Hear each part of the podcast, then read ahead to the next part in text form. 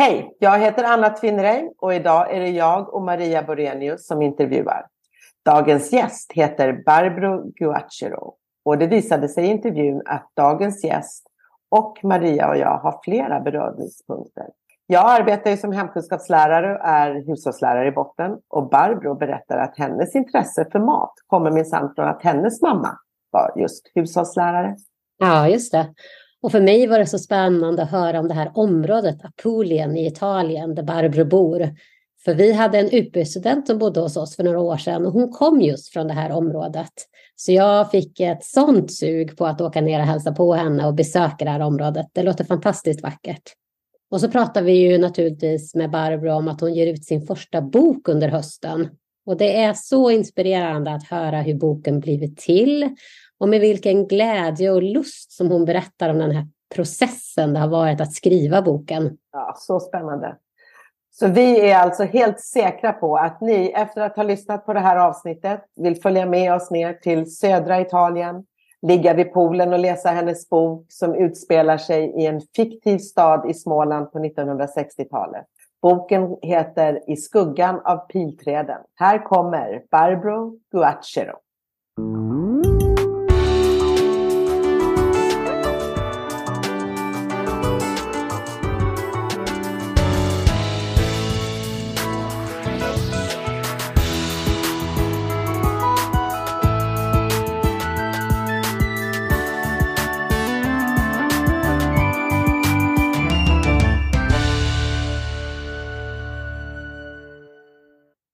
Hej allihopa! Jag heter Barbro Guacero och jag bor i Italien. Jag är medlem i Svea Rom där jag har varit medlem sedan covid startade.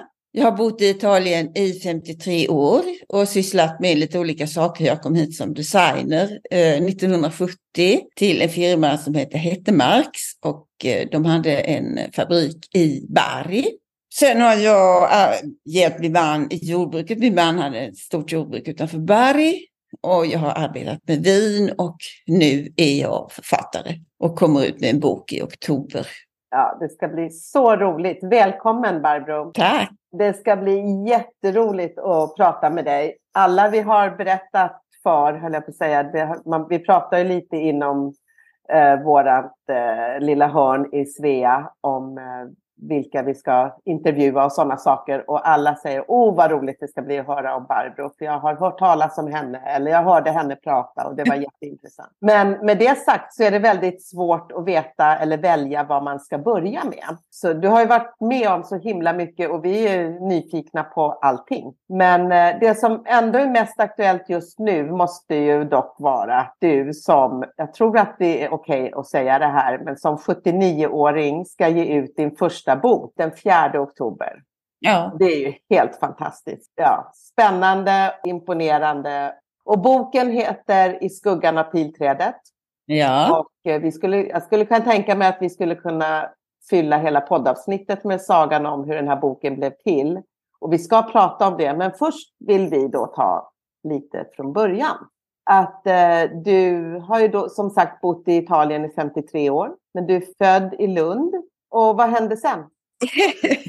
ja, eh, jag har bott på lite olika ställen i Sverige. Mm, jag är inte uppvuxen hela barndomen i Lund. Jag har bott mycket i Småland, jag har bott på Öland. Och kom tillbaka till Lund i tonåren. Jag tog studenten i Lund och, och sen funderade lite grann på olika saker som jag ville utbilda mig till. Jag hade lite olika idéer men till slut så blev det modedirektris som det hette på den tiden, alltså modedesigner ganska snabbt så fick jag jobb på Hettemarks Italiana, alltså här i Berg. Och det var ett gäng jättetrevliga svenska tjejer som jobbade där, bland annat Margareta van den Bosch som också har varit här i Sveapodden. Så vi har känt varandra sedan dess.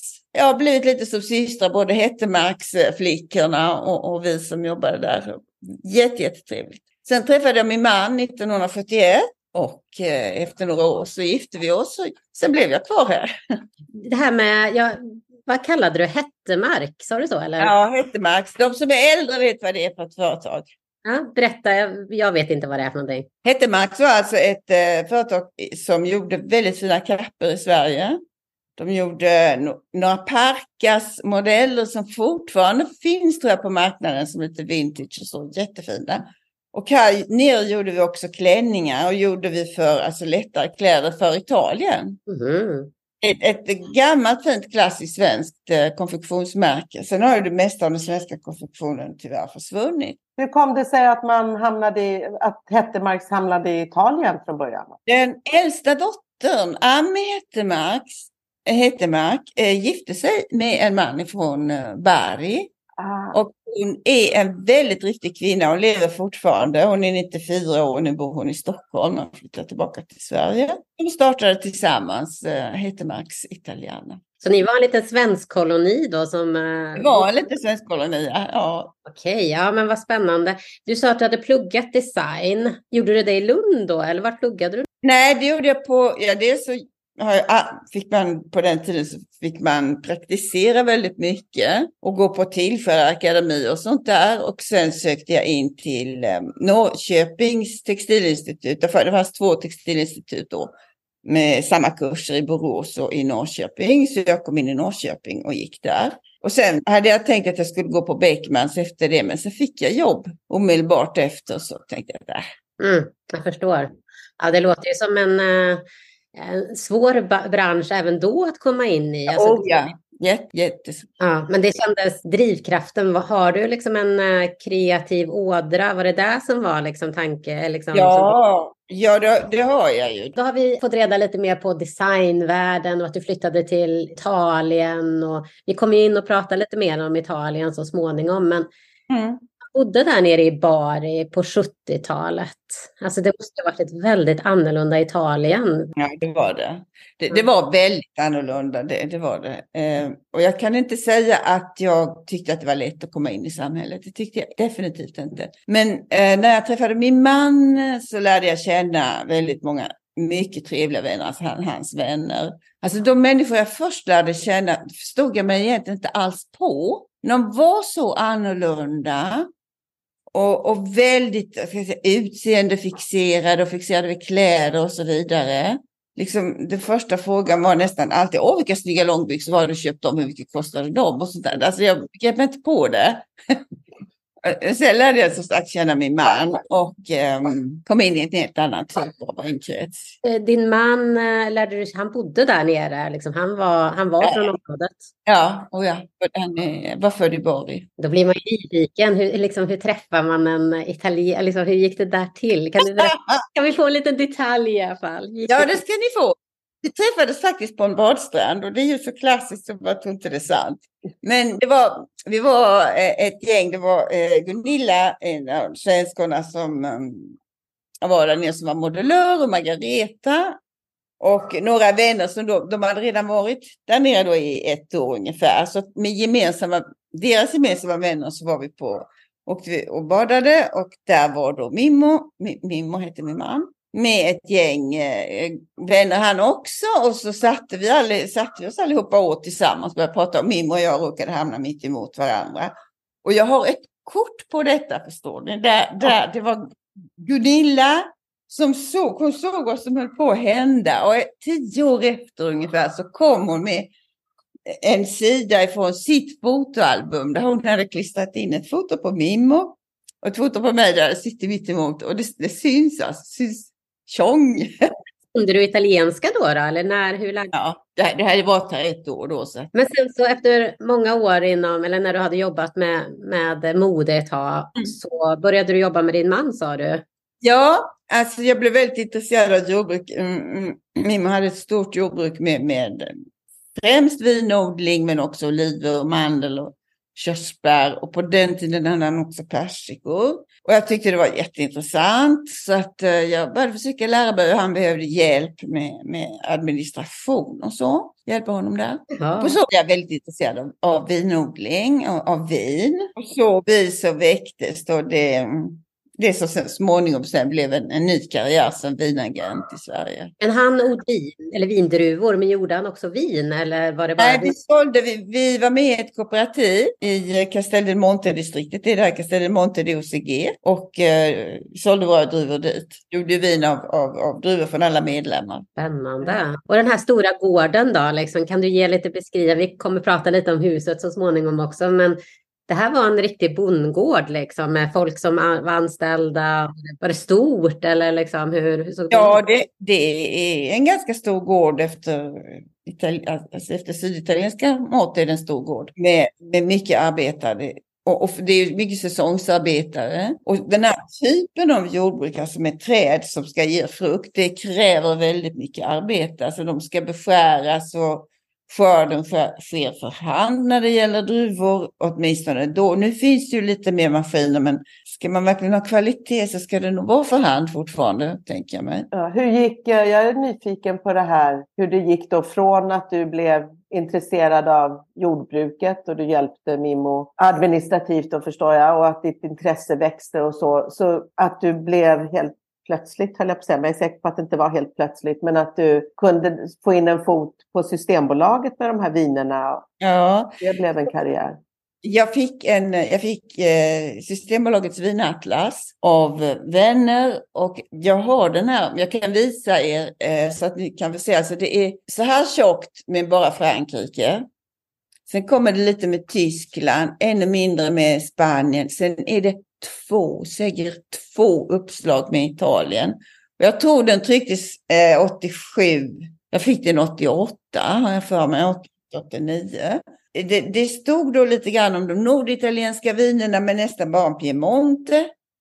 Eh, några bisatser om Veneto, för då fanns inte, det var inte Amarone på kartan. Lite om Toscana. Och sen så stod det på nästa uppslag då om, om resten av Italien. Väldigt, väldigt sådär. Pop, pop, pop, pop.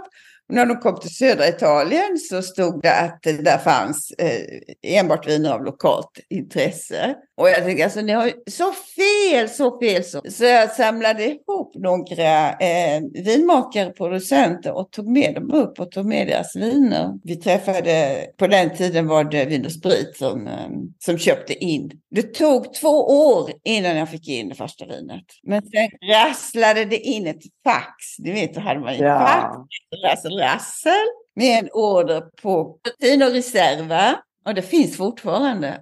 Och det fick, alltså det tog svenskarna med storm. Och det roliga var ju att eh, inköparen på Vin och Sprit, hon sa nej vi ska inte ha några sura italienska viner. Men så det var så surt eller lätt att smaka. Och till slut upptäckte jag att ja, nej men det kanske inte var så tokigt.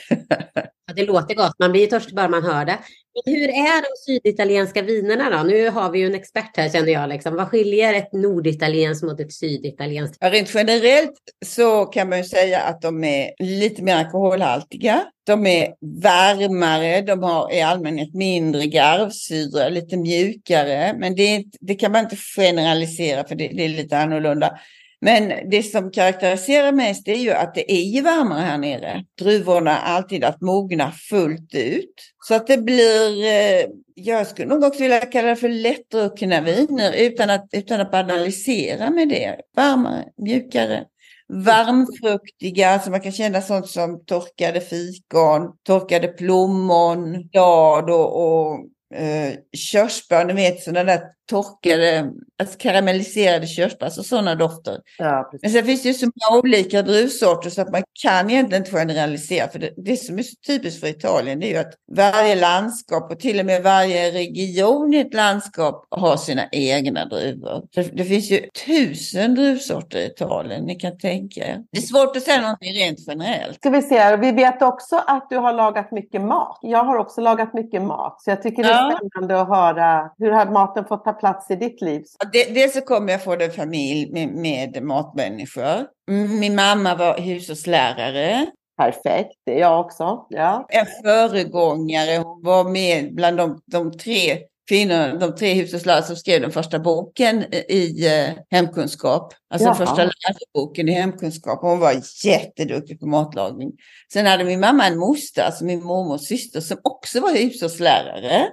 Och som hon eh, undervisade hela sitt liv i Vinslövs eh, slöjd och hushållsskola, tror jag den heter. Alltså det var en sån här, i skolan, heter jordbruk, hushåll och slöjd. Så, och, och min mormor var jätte... Alltså det, ja, mat var, har alltid varit viktigt i familjen. Och hur tog du med dig det sen i ditt, ner till Italien? Lagade du, lärde du dig laga italiensk mat? Eller Ja, försökte du oh, ja svensk mat? Nej, alltså dels så fanns det väldigt få ingredienser för att laga svensk mat. Alltså så grejer som dill och persilja och lax och alltså sånt. Det, det fanns inte på den tiden. Nu går det ju.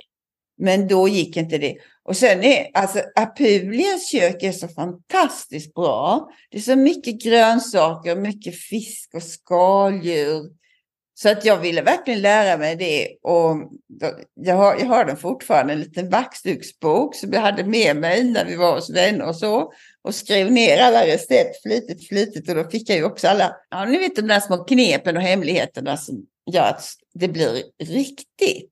Nej, jag ska bara en parentes på det där. Jag hade en italiensk eh, tjej som bodde i vår familj i ett år. Hon kom från Puglia. Jaha, varifrån då? Puglia skulle jag säga. alltså staden Puglia. Ja. Och det var så roligt för första, efter bara några veckor så fick vi ett stort paket hem till eh, Karlstad där vi bor då. då. Ja. Hennes mormor hade skickat mat till henne. Eh, Och det gjorde hon kontinuerligt under det här året för hon var så rädd att inte hon skulle få bra mat i Sverige. Så hon, det var krossade tomater som kom från gården, det var olivolja, eh, det var olika typer av små kakor och eh, det var ju... Först i början så undrade vi lite grann så här, de måste tycka så synd om henne som bor här uppe i fattiga norra, norra Sverige. Åh. vi, det här blir ju familjens höjdpunkt när de här paketen kom. Vi åt ju mer än vad hon gjorde kan jag säga. Det var ju fantastisk mat. Vad kul! Ja, verkligen. Så vi, vi måste verkligen åka ner och hälsa på familjen. Det känns som vi har mycket mat att prova på när vi kommer ner. Ja, verkligen. Och då ska du komma förbi här också. Du har fått eh, Allt om mat, ett, ett pris av tidningen Allt om mat. Och numera så är ju inte Allt om mat lika stor som den var förr. Det, det var ju en bibel för matälskare Ja, i Sverige. Var, var chefredaktör. Förlåt, vem var chefredaktör? Håkan Larsson. Ja, just ja. Han tyckte ju om viner, eller hur? Visst var Ja, det så? oh. Ja, Han är vinskribent också. ja, just Mm. det. Och så hur gick det till när du fick eh, ett pris av dem? Eh, Det var eh, år 2000. Ja. Alltså, de hade en årlig utdelning då, då, då de utsåg årets kock, eh, årets vinprofil, eh, årets vin och jag kommer inte ihåg vad mer, årets restaurang tror jag. Ja, alltså de som hade utmärkt sig under året. Så att det röstades fram. Årets vinprofil var det eh, Vinskribenternas riksförbund, alltså de som var med där, de journalisterna som röstade fram vem det skulle vara. Och eh, år 2000 blev det alltså jag. Och då fick du åka upp till, upp till, eller fick du åka till Stockholm och upp på redaktionen då, eller? Ja, ja. Och det var på Grand Hotel, utdelningen. Ja, vad spännande. Vad lagar du för typ av italiensk mat då? Ja, får, får, jag säga, får jag säga en sak där? Att man kan egentligen inte prata om italiensk mat. Att det, Italien är långt och smalt och det, varje litet område har sin mat, typiska mat. Så om du kom, i norra Italien har du också råvarorna varierar. Alltså i norra Italien finns, är det väldigt mycket smör som är matfettet till exempel. Man använder mycket polenta, alltså majs, och väldigt mycket ris. Och det är mycket fetare än vad vårt kök är. Så när de kommer hit neråt så är det olivoljan som är matfettet. Vi har mer grönsaker, vi har pasta, vi använder överhuvudtaget inte majs. Och det är, skulle jag vilja påstå, lite lättare kök det vi har. Så jag tycker all, alla, alla sätt att laga grönsaker, alltså om någon är vegetarian så är det här det idealiska området för du tänker inte på att du inte får kött. Och vad, när, om du gör middag till dig själv, höll jag på att säga, eller du har lite vänner som kommer över, vad är det du brukar laga då? Ja, jag kan berätta vad jag har gjort de här dagarna. Det varierar såklart. Igår gjorde jag, igår gjorde jag en rissallad. Och då hade jag mina grönsaker ifrån eh, trädgården som jag hackade väldigt fint och ris och en vinägrettsås och så hade jag lite stekt kyckling som jag hade i och lite eh, ost, lite små fina ostkuber. Och igår kväll så gjorde jag en, en pasta och då hade jag också från trädgården eh, paprika, lite röd lök som jag stekte först och så tomatsås i och så lite riven ost. Det är ju så simpelt, men när råvarorna kommer... Ja, man går ut, man går ut och, och nyper av eh, basilikabladen och lägger i och sådär. Då blir det ju gott. Nästan vad det gör.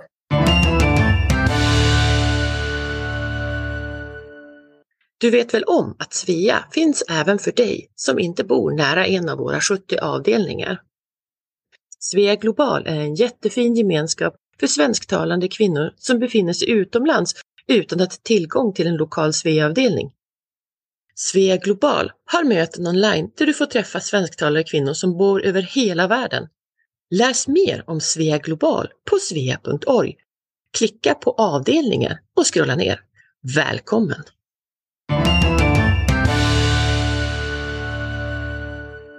Tänker ändå liksom lite som vi var inne på att din, din mamma var hemkunskapslärare och hennes moster och så vidare.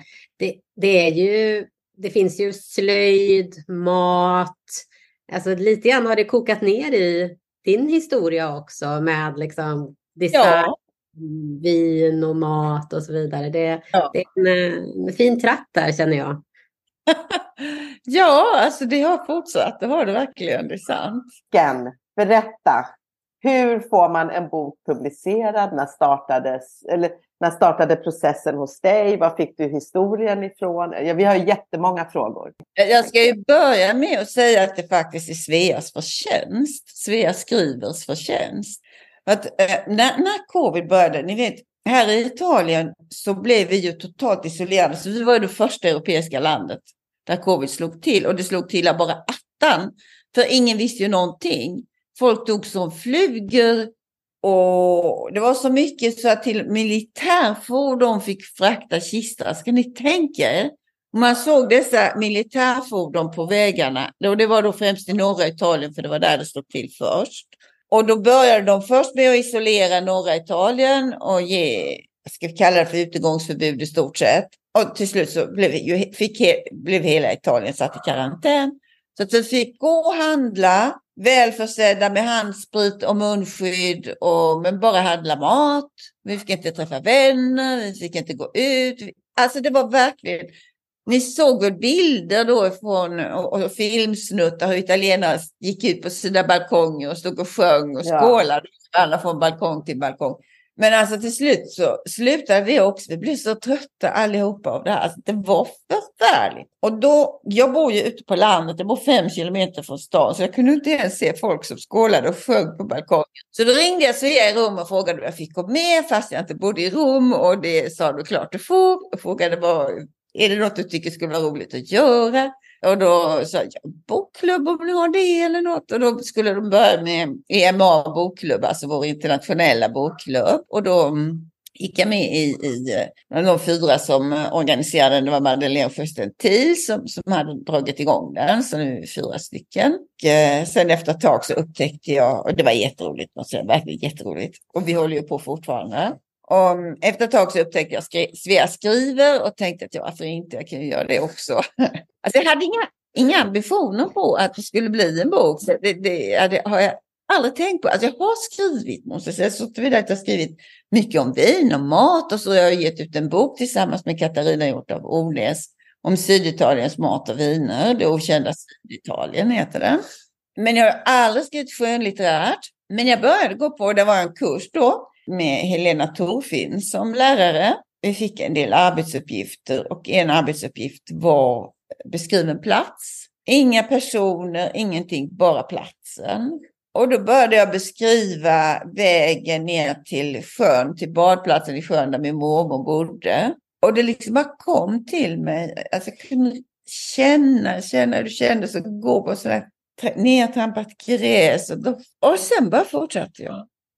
Så det, det, var som om, det var som om någonting bara öppnats. Och jag satte igång och skriva. Det var så märkligt.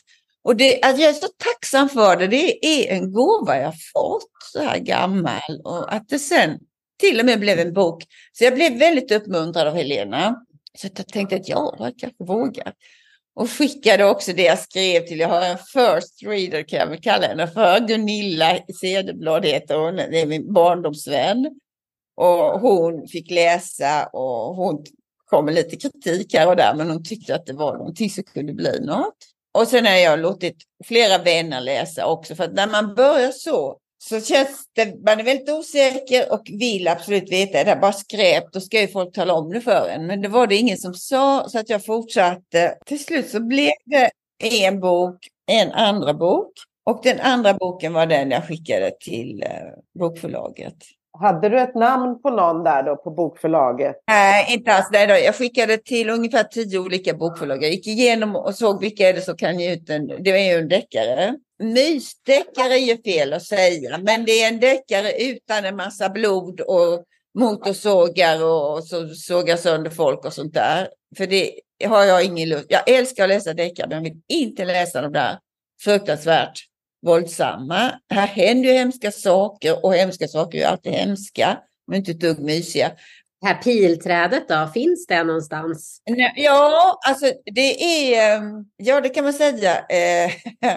Boken utspelar sig i en liten småstad i Småland, vid en liten sjö i Småland och där går en liten å igenom stan. Och jag har döpt staden till Videstad och eh, sjön till Vidasjön och så har jag Vidaån som går in i Vidasjön.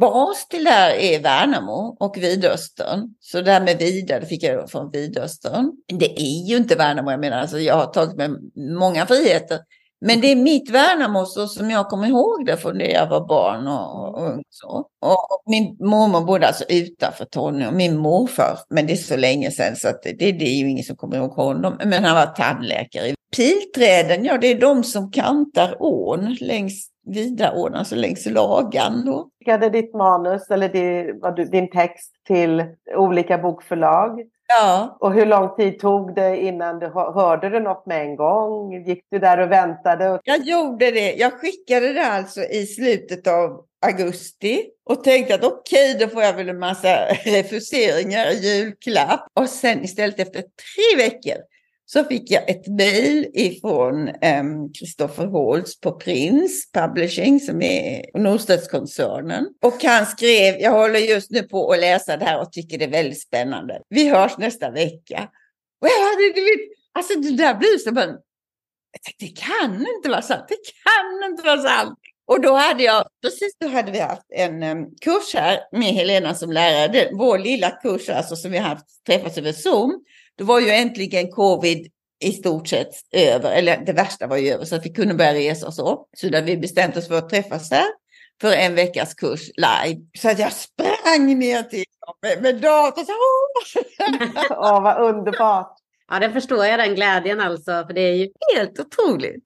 Jag ja. tittar fortfarande så jag nyper mig i armen. Så. Ja, jag förstår. Kan det verkligen vara sant? Ja. Och sen i nästa andetag så kan, jag, kan, det verkligen vara sant kan jag tänka mig. Och sen i nästa andetag, ja men det är ju sant, det kanske blir en bok. Liksom. Ja, ja. och sen också, nej men han kommer nog att säga ja, ja. nej men vi lägger av det här. Så har jag tänkt också. Ja, såklart. Men de har varit fantastiskt bra. Alltså jag så jättebra. De har, jag har fått en otroligt bra redaktör. När ett förlag tar en bok så får man ofta kanske några synpunkter för det första från förläggaren. Så att säga, ja men du kan, kan du göra det lite mer spännande eller kan du lägga in lite mer miljöbeskrivning där. Så gör man det, så skickar man tillbaka boken, säger okej, okay, nu skickar vi boken till en redaktör. Så får man då en redaktör och min heter Eva Dahlgren, fantastiskt duktig.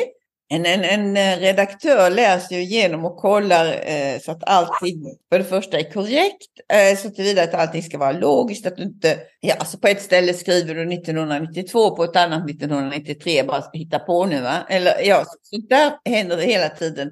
Eller att samma person får olika namn och allting sånt där va. Och så tittar de på språket, och kan komma med tips om att det här har du haft en upprepning eventuellt, vad tycker du, kan du byta ut det och så vidare. Och hon var jätte, jätteduktig och väldigt um, positiv och det hjälpte mig också för hade jag fått en negativ redaktör så hade det känts väldigt jobbigt. Förstår det. Och har du gjort, hur har du jobbat med research då? Du pratar ju om att du känner till de här miljöerna väl, men själva historien? Det kan låta lite förmätet på något sätt. Men alltså jag fick idén bara, den liksom kom in. Jag fick den och började arbeta med den och, och mm, jag hade liksom hela idén klar. Men sen när man väl sätter ner det på pappret, sen får man börja med så, så är det för mig, men jag tror för andra är det säkert på ett annat sätt, det vet jag inte. Men när man väl skriver ner historien, då måste man börja med research. Så att man verkligen kollar hur ser det ut där, även om jag kanske inte använder exakt platsen så vill jag ändå ha exakt hur ser det ut. Så kunna beskriva det. Och annat också, den typen som inte har så mycket med historien att göra, men jag säger att en fågel sjunger klockan sju på morgonen. Ja, men det kanske är en fågel som sjunger på kvällen. För man, alltså allt sånt får man kolla. Blommor jag beskriver, ja men är de verkligen i blom nu? Och ja. Den här flickan som man hittar död, man hittar henne i blommande gäddnate hade jag tänkt mig. Då får jag kolla, blommar gäddnaten nu? Ja, det gör den i maj och så vidare. Va? Så sånt, och det var det tycker jag hur kul som helst. Var det sånt då Barbro som du hade tänkt på innan eh, Eva pekade ut det? Oh ja, Eva hade ett färdigt manus. Okej. Okay. Jag tror att ju mer fiktiv en historia är som en mordhistoria, ju viktigare är det att alla detaljer är korrekta. För att du ska kunna tro på mordhistorien så får det inte vara några fel. Hålla läsaren på rätt spår kan jag tänka mig också. Så måste man hålla sig till det som är viktigt för annars så börjar läsaren tänka, ifrågasätta saker och ting. Ja, de börjar, de börjar bli irriterade. Och, ja. så. så mm. allting måste vara absolut korrekt. Nej, det hade jag gjort innan, innan ja. Innan jag skickade in boken överhuvudtaget. Vad tyckte du var svårast med hela processen då för dig själv? du säger att den kom till dig, men eh, vad, vad, var svårt? Alltså jag kan inte säga att det är svårt. Det är väldigt lustfyllt, men det är ett pet jobb när boken väl är klar. Alltså man har en slags, vad ska jag kalla för råmanus och du tycker att boken är klar. Då är den inte det alls, utan då ska du gå in och läsa, förbättra klättra, stryka, jobba med den hela tiden. Då ska du också gå in och ta kontakt med specialister. Jag har haft kontakt med en gammal polisman som har gett mig rätt information om hur karriärgången var på, hos polisen på den tiden, för det var inte alls samma som nu. Eh, gå och kolla vilka resurser hade mm, kriminalpolisens tekniker, alltså deras laboratorier, så vad kunde de få fram? Och sen också gå och kontrollera, ja, sånt som till exempel jag lägger in att de läser en bok eller, eller musik, kontrollera att den verkligen kom ut. Alltså jag kommer ju ihåg det mesta från den perioden.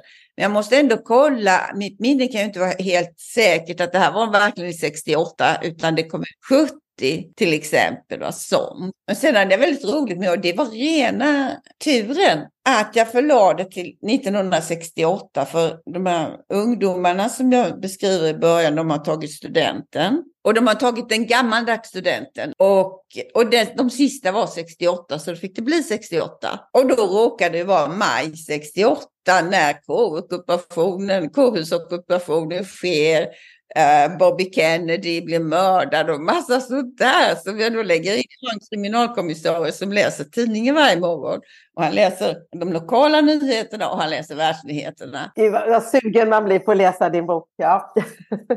Jättekul att höra om boken. Vi tänkte bara avsluta med att fråga så här.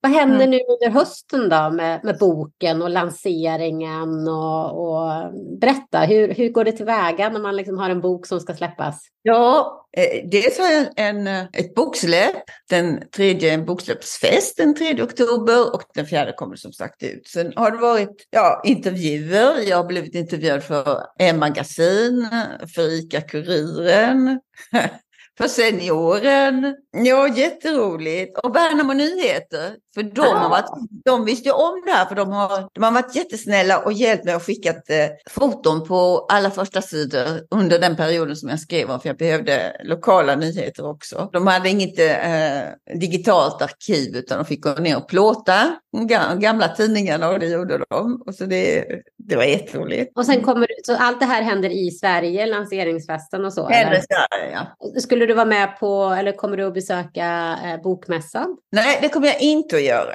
Det tyckte förlaget att det förmodligen inte ger så mycket. Alltså det är mest de stora som syns på en bokmässa.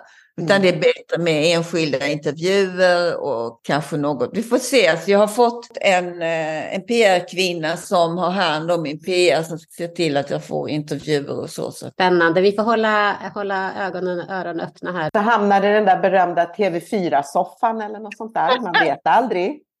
Ja.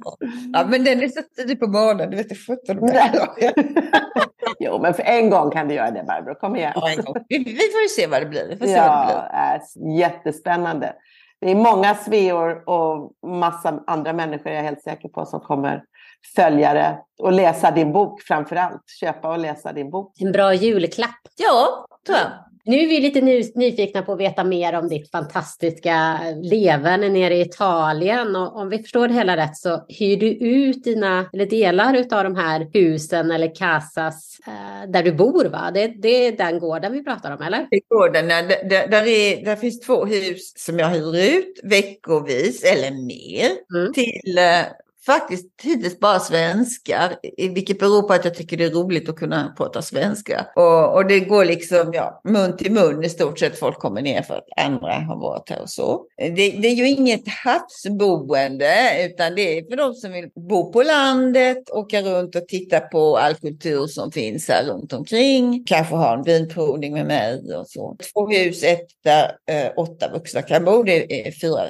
Stå så, sovrum. Det, det är ett, um, ett hus som är byggt i olika etapper, förmodligen början från 1600-talet och framåt. Och så är det ett annat lite mindre som var en arbetarlänga som jag alldeles nyligen har renoverat. Oj, och om vi förstod det hela rätt så var det delar som var eh, renoverade på 1920-talet utav, var det en släkting till din man? Den hette, det var hans pappa. Och han var senator, så, stod det så? Ja. Eller vad är det? En senator? Ja, men just i Italien tänker jag. Liksom aldrig tänkt på att det fanns det. I, I, Italien så är parlamentet delat i två. Mm. Senaten och eh, det vanliga parlamentet. Det är ungefär som en gång hade vi ju första andra kammaren i Sverige. Eh, senatorer är, är, då lite äldre. Man måste, jag vet inte riktigt var gränsen går. Jag kommer inte ihåg det, 26 år. Kanske nu som valbar, men då var det nog mer. Så, eh, och, och de väljs på lite längre tid på den tiden. Ja, han, han var kunglig senator. Ja, nej, för vi såg det. Alessandro Guacero. Har ni fått reda på det? Ja, det läste vi någonstans. vi har grävt ordentligt. Jag lyssnade faktiskt också på den här podden som du hade varit med i, Odlar. Odlarna. Ja. Odlarna, ja, jättetrevlig intervju där också. Så hur, om man är sugen på att besöka dig nu då i Apulien och föra av sig till dig så kan mm. man, då kommer vi lägga ut en länk Ja. Lägger ni ut ja, så, så kan man skriva där, skriva till mig. Jag, jag är sugen på maten, på vinet, på huset. Allt låter trevligt. Och det här är nere i klack klacken, eh, om man säger så. Ja, inte riktigt klacken. Alltså, om ni tänker er, Apulien är ett väldigt långt landskap. Den börjar väl eh, vid sporren brukar man säga. Om ni mm. tänker på kartan av den här stöveln så går det ut en sporre. Uppifrån, ovanför sporren och ända ner till toppen på klacken är Apulien. Så det är Italiens längsta landskap. Och med de längsta kusterna också. Och jag bor ungefär vid hälen kan man säga. Ja, okej. Okay. Då har jag en bild vid hälen. Om man är då sugen på att besöka det här området? Vad är det man inte får missa? Ja, det beror lite på var man tänker resa runt. Om man reser runt ner i själva klacken då är det mest hav. Kommer man på sommaren så är det väldigt, väldigt varmt och då ska man nog hålla sig till Alltså bo precis vid havet eller vid en stor pool, vilket jag ju faktiskt har. Men, um, men alltså det är väldigt varmt. I sommar, det har varit så varmt, så varmt, så varmt. Åh, mellan 37 och 43 grader ja. i en månad. Det var så gräsligt. Så jag skulle avråda från att komma hit i juli alltså verkligen. Finaste månaderna april, maj, september, oktober då kan man också resa runt och titta. Här finns mycket konst, mycket gammal arkitektur, fantastiska eh, romanska kyrkobyggnader, i synnerhet i, det, i mitt område här runt Bari. Sen finns det de fantastiska bar barockstäderna lite längre söderöver. Lecce är en och Martina Franca en annan. Gå på eh, de arkeologiska museerna, det är också väldigt intressant. Och ett av de mest intressanta det är, är eh, Tarantos arkeologiska museum där världens största samling av eh, grekiska guldsmycken finns.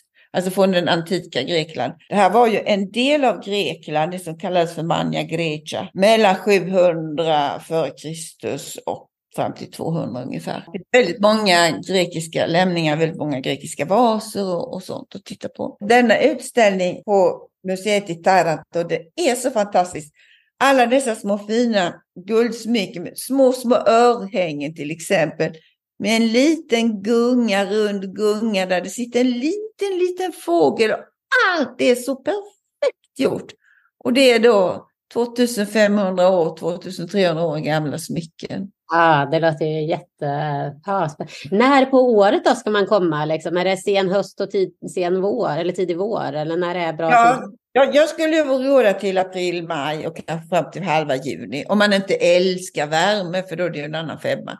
Mm. September, oktober och in i november också. November kan vara väldigt, väldigt fin. Till mm. och med november, men då har man ju inte samma garanti. Om man bara är borta en vecka till exempel så kan det ju regna hela den veckan om man har otur. Däremot så är då januari, februari, mars det är regnmånaderna. Mm. Ja, det låter som ett fantastiskt plats att bo. Jag förstår att du har varit där i 53 år. Så att det, jag förstår att det, Italien har blivit liksom hemma. Ja, det har det. Och på de 53 åren så har ju världen blivit mindre också. Det, ju, det känns ju inte så långt till södra Italien längre. Nej. Det är inte det. Det finns ju till, det finns direktflyg från, från Köpenhamn till Bari. Då är det sådär som jag har förberett dig på, eller vi har förberett dig på, att har du något eh, litet mått Ja, motto skulle jag inte riktigt kalla det för, men att man alltid ska eh, försöka sig på det man får lust att göra. Alltså inte vara rädd för att prova nya saker, utan våga. Gör det bara, blir det inte bra, alltså nej har du redan fått.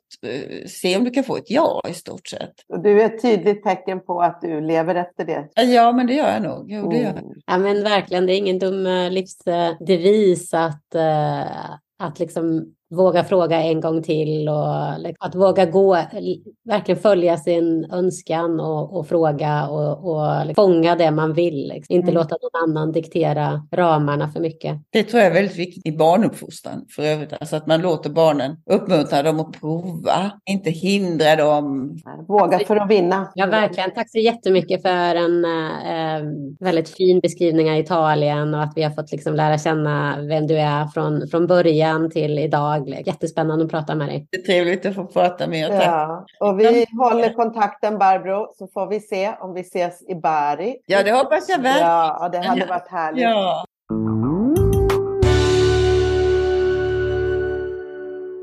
Tack för att du har lyssnat. Den här podden är inspelad och producerad för Svea International. Musiken är skriven för Svea av Fredrik Åkerblom. Alla vi som på olika sätt är involverade i produktionen gör detta som en del i vårt frivilliga engagemang för Svea. Sveapodden finns på de allra flesta ställen där du hittar poddar. iTunes, Google Podcasts, Spotify etc. Om du saknar något poddställe så skicka ett mejl till sveapodden gmail.com. Mer information om Svea hittar du på vår webbplats svea.org och i sociala medier så finns vi på Facebook, Instagram och LinkedIn och där hittar du oss som Svea International.